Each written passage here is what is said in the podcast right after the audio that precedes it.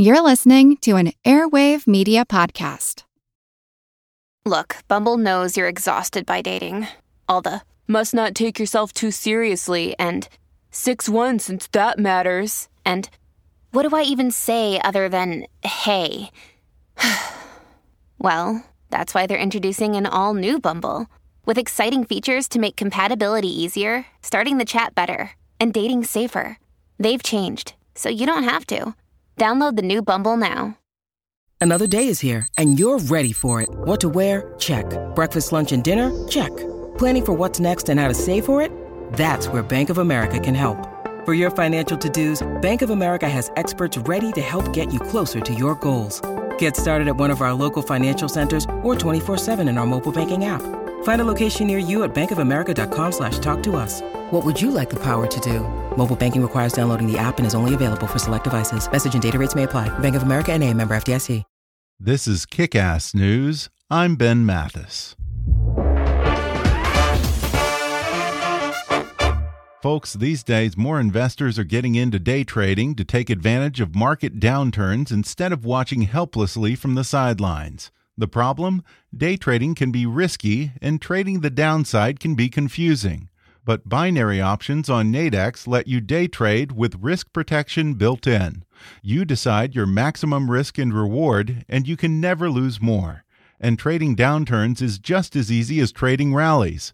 Try day trading for yourself on the first and largest American binary options exchange. Trade stock indexes, commodities, forex, even economic numbers. See why over 100,000 members choose Nadex. Find out more at nadex.com. That's N A D E X dot com. Trading on Nadex involves risk and may not be appropriate for all investors. And now, enjoy the podcast. It's all part of the plan. The more chaos I cause, the less people can focus. They're all getting so tired. So tired. Let me show you. How long ago did I declare war on North Korea and Little Rocket Man? Uh, four months? Wrong. It was last Friday. See, I'm bending time.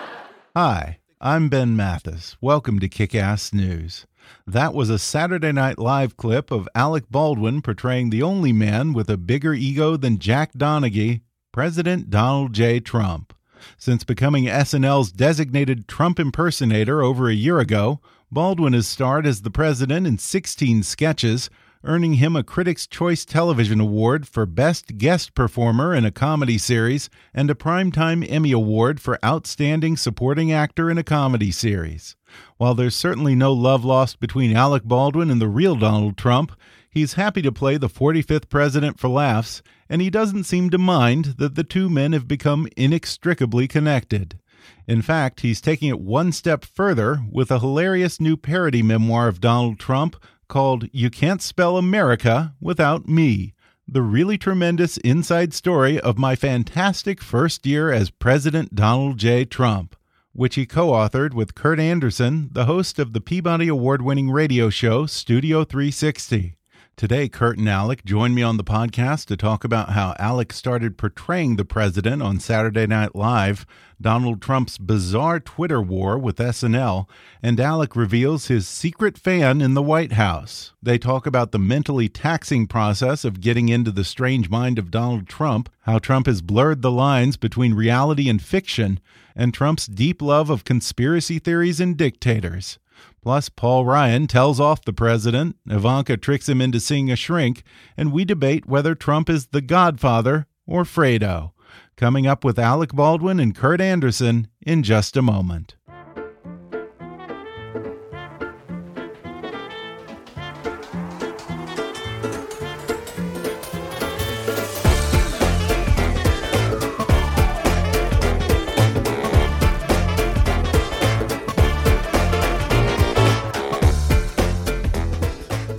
Today I'm talking with Alec Baldwin and Kurt Andersen, who've written a hilarious new parody memoir called You Can't Spell America Without Me The Really Tremendous Inside Story of My Fantastic First Year as President Donald J. Trump. Guys, thanks for coming on the podcast. My pleasure. My total pleasure. Thank you. Well, I really enjoyed the book. Alec, you're certainly no stranger to Donald Trump these days. And as I understand it, Kurt, you helped coin the famous Trump epithet, short fingered vulgarian. Is that true? That is true. That is true. uh, we we at Spy created uh, kind of recurring epithets for all uh, many of the people that we recurringly wrote about and reported about. Um, and so we tried out various ones for Trump um, we called him a well-fed condo hustler, Donald Trump. We called him uh, um, uh, Queensborn casino operator, Donald Trump. And then about a year into it, we we uh, hit on short-fingered Vulgarian Donald Trump because my partner in Spy, uh, Graydon Carter, had had done a profile of Trump, but really before he was very well known, which he wasn't back then uh, and and came back as we were starting spying came back to to the office we shared and said, you know, this guy Donald Trump, his fingers are so tiny for a guy that big, and and so as we were then kicking around other possibilities uh, and and and thought of Vulgarian and then thought short fingered Vulgarian uh, had a certain rhythmic uh, appeal. And uh, we stuck with that and it hit. And and then thereafter every time we referred to him in the magazine, which was many many times, we called him short-fingered Vulgarian Donald Trump. And then, we, to our shock and surprise, uh, 25, 28 years later, as he was running for president, there it came as the, the meme returned. this this book was the the certainly the first full-fledged uh, uh, return to, to to satire, and for that matter, to Donald Trump uh, in, in for me in a long time. Well, Alec, you have a little bit more recent experience with Trump. You've been playing Donald Trump for over a year now, and this book is sort of an offshoot of your recurring role as Trump on SNL. What was the origin of this? Did you have this Donald Trump impersonation worked up prior to SNL? Was this something that you did at parties, or did Lorne Michaels call you up and ask you to do it? How did all this begin? Uh, I mean, I'm not a, I'm not an impressionist, but I've been asked to do some of that in the work I've done, uh, I, think when you when you impersonate someone, it's always better to impersonate someone that you admire. You know? um, know, Lorne contacted me because they were going toward a, a season of what was presumed just the fall. They thought that Trump would lose the election and therefore be gone. So we just do a run of two or three shows that fall, and uh, uh, and then uh, the uh, unimaginable happened, and uh, Trump won the election, and uh, the uh, I wound up, you know, at their request, doing it fairly regularly. But it, was, but it was Lorne's idea. And at that point, were you more disappointed by the prospect of a Trump presidency, or that you might get stuck playing him for the next four years? To an extent, yeah. To an extent, the circumstances under which necessitated that, yeah, that was not how I that's not what I had in mind. I, I think we can say on the record, I did not vote for Trump.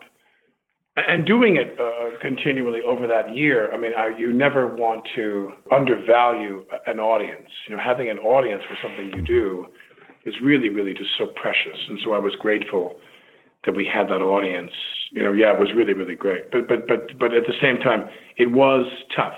I mean, it was tough to. Uh, you know, playing Trump is not a, a lot of fun. You know what I mean? Well, yeah, it's no secret that you find Trump to be a loathsome individual. Is it ever emotionally exhausting or psychologically draining having to get back into the bizarre mind of Donald Trump over and over again?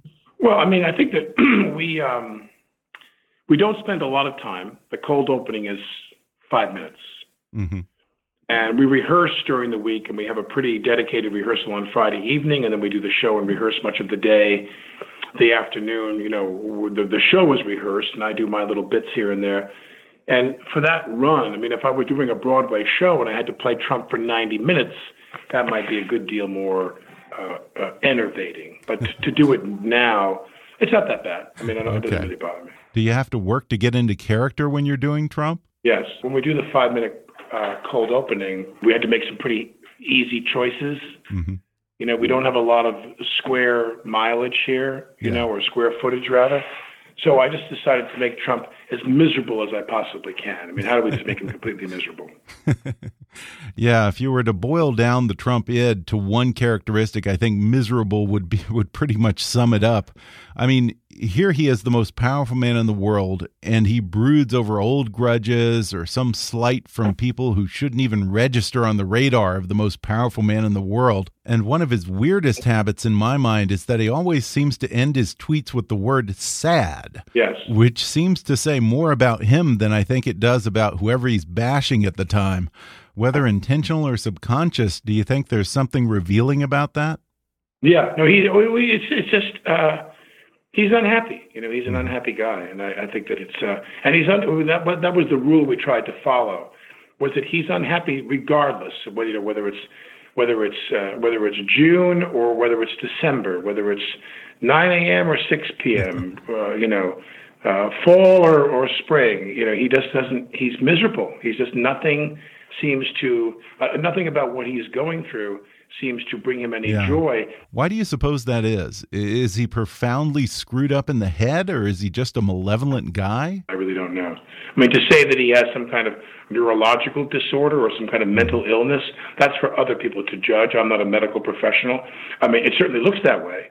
It certainly looks like there's something wrong with him that doesn't, uh, uh, you don't want to just say, he, I mean, he either has something wrong with him or he's just bitter and rotten to the core. You know, there's just there's just nothing that can be no other explanation as to why you know he won. He won. Well, in your book, Trump keeps referencing his father, who both in satire and in reality seems to simultaneously be a figure of admiration for Trump and a source of angst. What do you think, Kurt? Is that your best guess as to why this guy's so messed up? Well, it's a good guess, I think. Uh, uh, uh, you know, and uh, and and so yes, I mean, I don't know if it's the rose, the real life rosebud explanation for why, how, and why Donald Trump acts in a lot of the ways he does, but but I think I think uh, um, there there there surely are some roots in in his in the parenting um, that that he had. Uh, so yeah, it's. I, I, I I'm I'll go with that as as a a, a reason. Um, on the other hand, you know. Uh, the, he has these other siblings who don't seem quite so uh, freakishly injured. Uh, mm-hmm. so who knows? Yeah. Well, I love that you guys have Ivanka convincing him to see a shrink in the book. well, a shrink who who who he doesn't know is a shrink in in the spoiler alert, readers right. uh, in this fiction. Yes. Uh, um, and and uh, I have no. I mean, he has said publicly that he's never seen a shrink. Um, um, and I, I expect that may be one of the one of uh, true, unlike so many of the things he says. But um, yeah, I do have his daughter um, wanting to have him get uh, professional help, which, as, as far as I know, is an entirely uh, fictional account. But this is something that we've heard discussed on the floor of Congress in recent months that there should be a presidential psychiatrist to make sure he's mentally stable.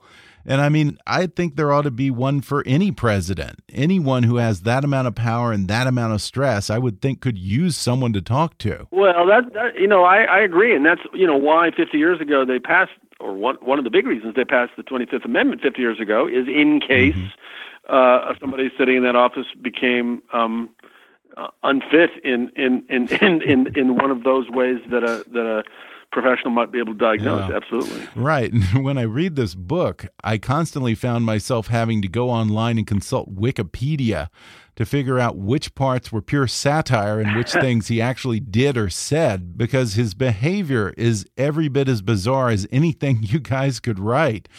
Did you want there to be enough kernels of truth in this book that you could blur the line between reality and fiction, perhaps as a way of drawing attention to the degree to which America has normalized and accepted the absurdity of Trump? I mean, yes, yes. Uh, is is the short answer, and and I feel like we've been successful. If if you had to, you, you were confused ab- about what was real and what was uh, fiction, and and uh, so yeah, I mean, the, the idea that this guy, after all, Donald Trump, is is like a fictional character, more like a mm-hmm. fictional character than any president we've certainly had, uh, certainly, and and and so the idea, the, the intention, the challenge was to create this version of him and his relationship with his family and his aides and, and the world and reality that was a little more extreme than than he really is but not so extreme as to become a cartoon. So that that was the challenge, and and and yes, so so if you were if you were confused about what was real and what was fictional, sometimes that then that's that's fantastic. And and what happened more than once is uh, I'd I'd write some fictional thing about uh, musing about firing James Comey, for instance, mm-hmm. or or some smaller thing, and then days or weeks later it would come true. So so then it became a challenge. Oh, do we take this out? Uh, this thing really? that we invented and then he did, because then it will just seem like something uh, uh, that we're just reporting from real life. So it was it was uh, the the revolving door between reality and fiction in this case was uh, got confusing sometimes. well, yeah, I hope that you'll take this the right way because probably the best compliment that I can give you guys is to say that this book is 200 pages of pure rambling nonsense. In other words, it captures Donald Trump perfectly. Uh, well, thank you, thank you. I take that as a compliment. No, it was. I mean, the the uh, getting sort of lear- speaking that language, learning to speak that language. I mean, we've all heard him and read him, but but it really took. I I, I kind of created my own uh, immersion uh, like a foreign language course uh, in in Trumpese by by uh, reading, especially all of these, in some cases, hours long, unedited transcripts of interviews, rather than the edited yeah. ones, where where he's he sounds relatively more coherent. Uh, and, and in order to get that exactly that that the digressions and, and random rambles and zigzags um, uh, in in my blood. But on the other hand, uh, the, the, I, I have to say that as as as much as a faithful reproduction as I try to do sometimes, it's it this book is more is less rambling than he often is. Yeah. It, it, because if you're as rambling as he actually is, it would be incoherent a lot of the time. So so so I did him some favors. That's what I'm saying. That's true. He has the English skills of a six year old. did either of you ever think that someone so utterly inarticulate could have gotten elected to the highest office in the land? And he won against all odds. I mean, nobody thought this guy had a chance.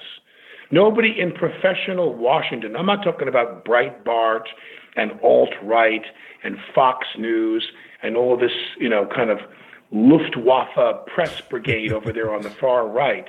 Nobody in the mainstream media, which I still have some regard for, I mean, not all of them, but I mean, some of them I still think are trying to do a good job. None of them gave this guy a chance. And he won. And did he come in there and go, hey, maybe I need to, you know, take a deep breath here and try to uh, recalibrate my settings and think about how I can lead this country? No. And in the book, Trump confides in the people with the least experience, whether it's his Filipino butler or his Secret Service agent or even his 11 year old son, Barron, instead yeah. of his cabinet or his generals, who he's so proud of. From everything that we hear in the news, it seems like there's some truth to that. He seems to hold in closest confidence the people who are least qualified. Well, who are least qualified and who aren't officially the people who who are working uh, mm-hmm. with him and for him. And then, of course, in the case of his son-in-law and daughter, has, has turns those relatives into people who are working for him. So yeah, I think I think that does that, that does reflect some truth. Um, and those those I mean, in the case of his Secret Service agent and his his steward, um, obviously those are entirely fictional characters, but and they were useful as fictional characters. But yeah, I I, th- I, I well observed that I that I think that reflects uh, a, a truth about who he does rely upon. We're going to take a quick break, and then I'll be back with more with Alec Baldwin and Kurt Andersen when we come back in just a minute.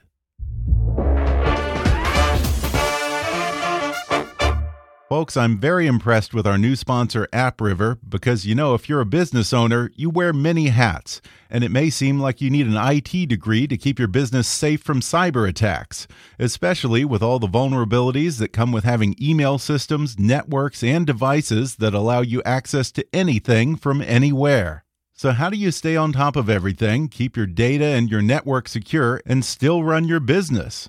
Pass that hat to AppRiver a leader in cloud based security solutions for business. With AppRiver's premium email and virus protection, you can be sure that malware isn't going to be your next headache. Take it even further with web protection that keeps your network safe from both external and internal threats, as well as email encryption, continuity, and archiving solutions that can help you face anything with confidence. Throw in Office 365 for your productivity needs, and your business can be fully optimized with no additional software or hardware requirements. Everything comes with a free 30 day trial and AppRiver's phenomenal care customer service available around the clock from real AppRiver employees who answer your questions in minutes rather than days. So visit appriver.com slash kick to get started today. That's appriver.com slash kick. And now back to the podcast. Well, for me, one of the best parts of the book is a fictionalized moment in the Oval Office when the Speaker of the House, Paul Ryan, basically can't keep biting his tongue any longer and he lays into Donald Trump and tells him, quite rightly, I think, that the reason things aren't going well is because, in his words, he's a shitty president. Do you wish that Trump had anyone in his inner circle who could actually speak truth to power and say things like well, that? I mean, don't we all? And of course, in in in, in it's unclear in as as uh, you're a close reader, by the way. It's unclear in the book whether whether whether he actually said that or he's just right. it's a it's a delusional, uh, insecure sense of people saying terrible things about him. Yeah, of course. I mean, and and, and it's one of the many uh, problematic things, deeply problematic things about this guy is is that. Uh, he doesn't have. He doesn't seem to have those people. Now, mm-hmm. I don't know. I, I'm not privy to what John Kelly has or hasn't said to him, but but it, from every account I've read, it, it seems like um, he, he does everything possible in his manner and whom he hires and and his uh, who who he how he deals with people to to prevent uh, truth tellers and from from being around him uh, as much as he can. I mean, he, it's been forced on him a bit, I think, in the case of his chief of staff. But uh, yeah, I, I, I think uh, I think he doesn't, and and uh, so maybe he'll read this book and see that that it's a problem, and and and and and realize that he has to hire some people that uh, tell him the truth. I don't really think that, but wouldn't that be lovely? He throws his own cabinet under the bus. He's loyal to no one. I mean, we're about to find out how loyal he is to his family because he might have to cut his son-in-law's throats in terms of uh, uh, whether he's going to pardon him or not if, if the son-in-law gets indicted. But it's uh, uh, it's just bizarre. It's bizarre. Let me ask you this: Do you think that Donald Trump could grow into the office in the way that other presidents have?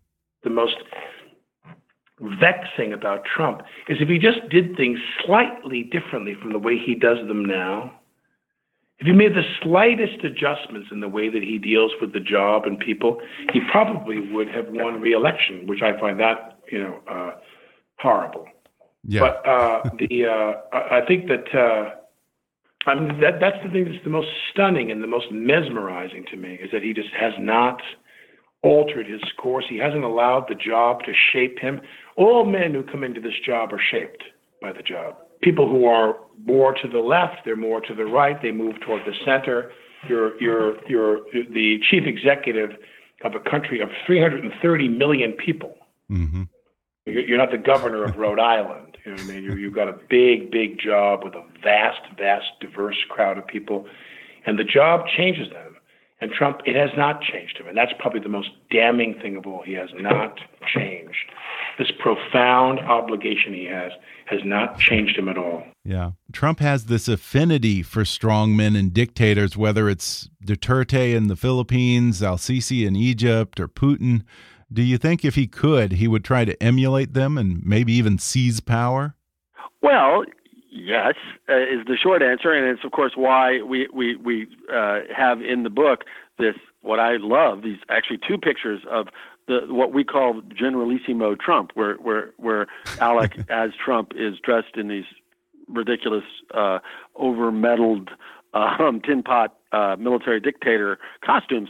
So, uh, I mean, I think it's clear that that he he does uh, regard those guys as the kind of leader he wants to be, and and and I think I, I think thought I think his ignorance of what the president was and did was was mm-hmm. so complete that he kind of thought he that he believed he had far more power to do things than he does. I, I think part of his frustration about yeah. legislation, about the Muslim ban, and all the rest is, wait, I'm president. Can't I do anything I want?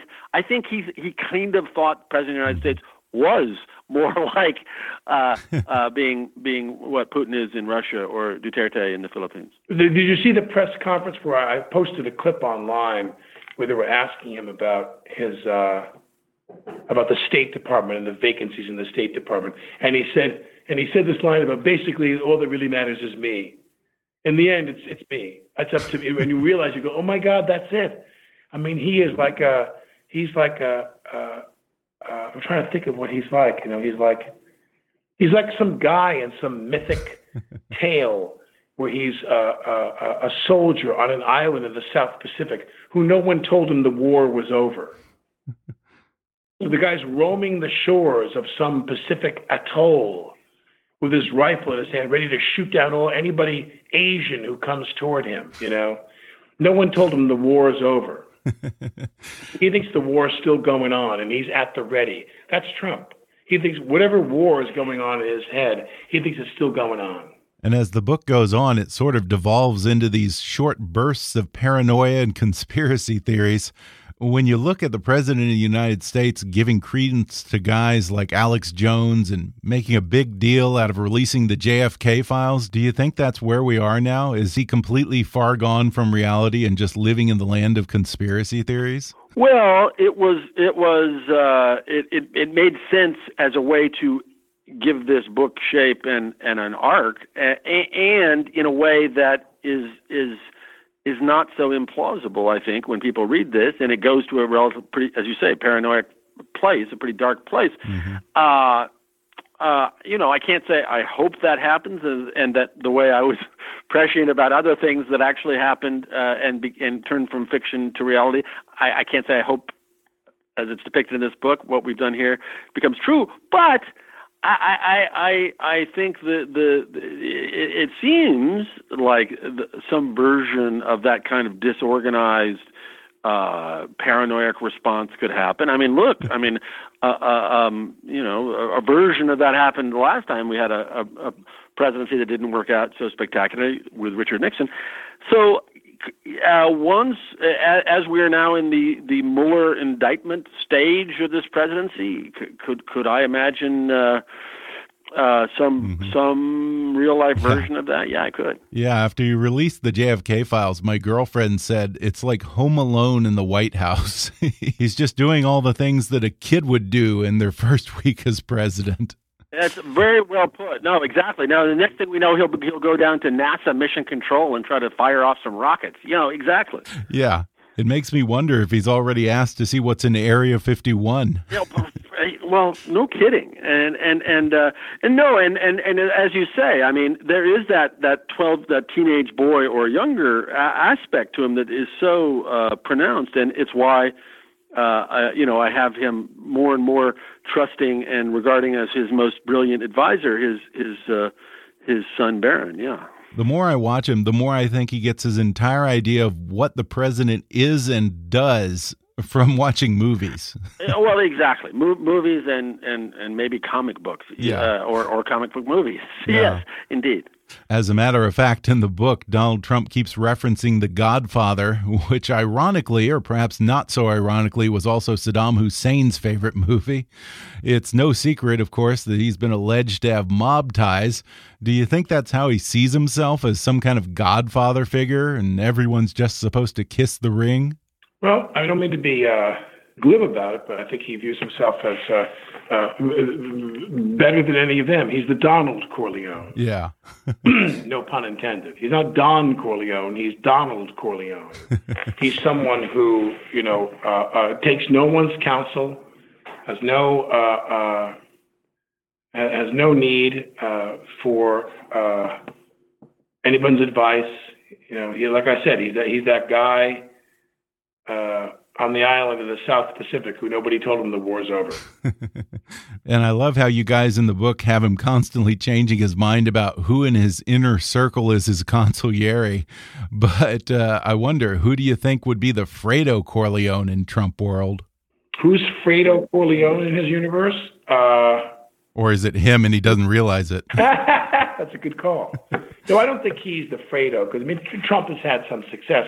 He's nowhere near as successful as he intimates and how he portrays himself. But Trump has been successful. I mean, Trump has made a lot of money.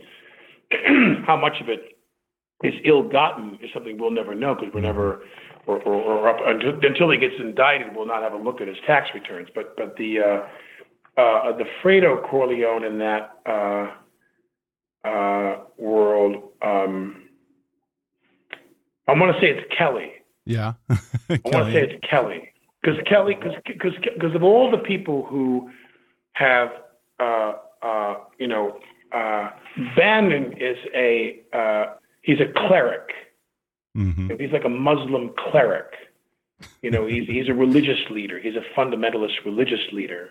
Yeah. He, uh, uh, he, and he and he and he immunizes himself from any criticism by saying that all of his mm-hmm. views are nearly religious views, you know. Yeah. Uh, uh, Manafort is a shark in business and who has so far gotten away with a lot of bad things, apparently. But uh, but Kelly is an idiot. Yeah. Kelly really is the pure idiot of that whole thing, who just lied, very bad at lying, very bad at covering up his lies.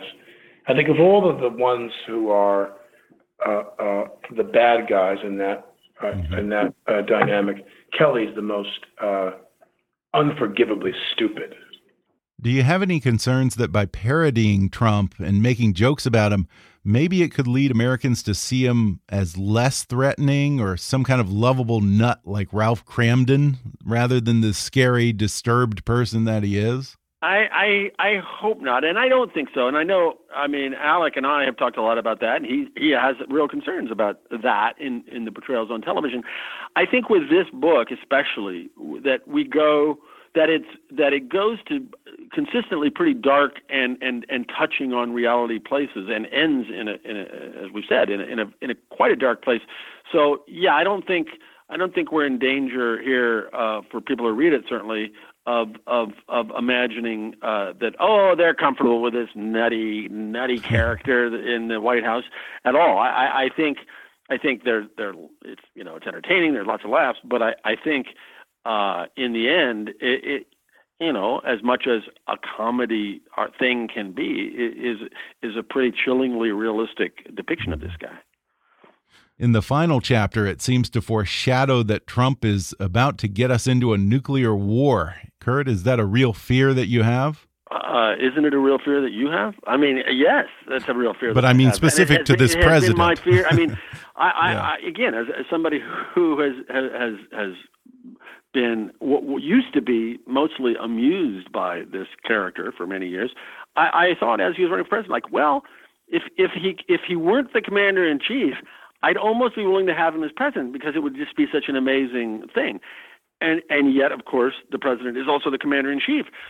So yeah, somebody who I believe is is not a, a, a stable character and somebody who who doesn't know much himself and doesn't really necessarily consistently rely on the people who do.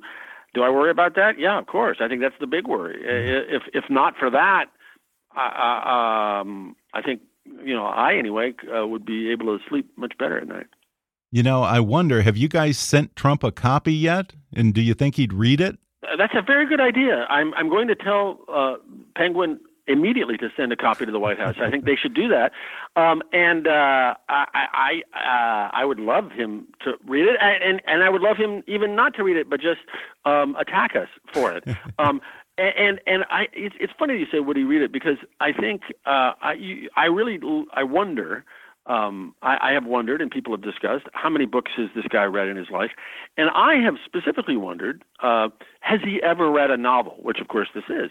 And yeah. uh, my bet is not, so it would be the first, which would be an historic event, and I'd be pleased to to have provided that that uh, that that possibility. Well, before we go, Trump's been known to brood and tweet about SNL and particularly Alec's sketches on SNL. Among other things, he's tweeted that, quote, the best thing about summer was no SNL and no Alec Baldwin. Alec, do you think President Trump gives you way too much thought for a guy who's supposed to be the most powerful man in the world and has Russia and North Korea to worry about? I don't really uh, think about that that much. I know that uh, somebody I know is friendly with somebody who has left the White House, an ex official. Really? A high placed official. And the greatest praise I could ever have gotten in my life was that this ex official said that Melania Trump watches SNL all the time and she loves it and thinks it's funny as hell. And then she says that's exactly what Trump is like. So if that's true, I mean, what could be a greater honor than that? Yeah. I am the recipient for my performance as Trump I'm the recipient of the Melania Award. well, once again, the book is called You Can't Spell America Without Me The Really Tremendous Inside Story of My Fantastic First Year as President Donald J. Trump. Donald Trump, aka Alec Baldwin and Kurt Andersen, thanks for joining me. Best of luck. Thank you very much. Appreciate it. My total pleasure. Thank you, Ben. Thanks again to Alec Baldwin and Kurt Andersen for coming on the podcast.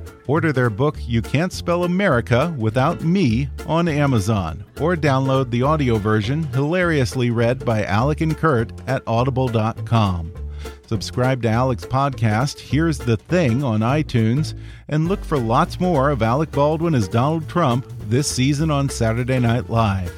Visit the guy's websites at kurtandersen.com and alecbaldwin.com and follow them on Twitter at, at Alec Baldwin and at KB Andersen. Today's episode was sponsored by Nadex. You know, more investors are getting into day trading to take advantage of market downturns instead of watching helplessly from the sidelines. The problem? Day trading can be risky and trading the downside can be confusing. But binary options on Nadex let you day trade with risk protection built in. You decide your maximum risk and reward, and you can never lose more. And trading downturns is just as easy as trading rallies. Try day trading for yourself on the first and largest American binary options exchange. Trade stock indexes, commodities, forex, even economic numbers. See why over 100,000 members choose Nadex. Find out more at nadex.com. That's N A D E X.com. Trading on Nadex involves risk and may not be appropriate for all investors. If you haven't already, be sure to subscribe to Kickass News on iTunes and leave us a review. You can follow us on Facebook or on Twitter at, at KickassNewsPod. And as always, I welcome your comments, questions, and ideas at comments at kickassnews.com. I'm Ben Mathis, and thanks for listening to Kickass News.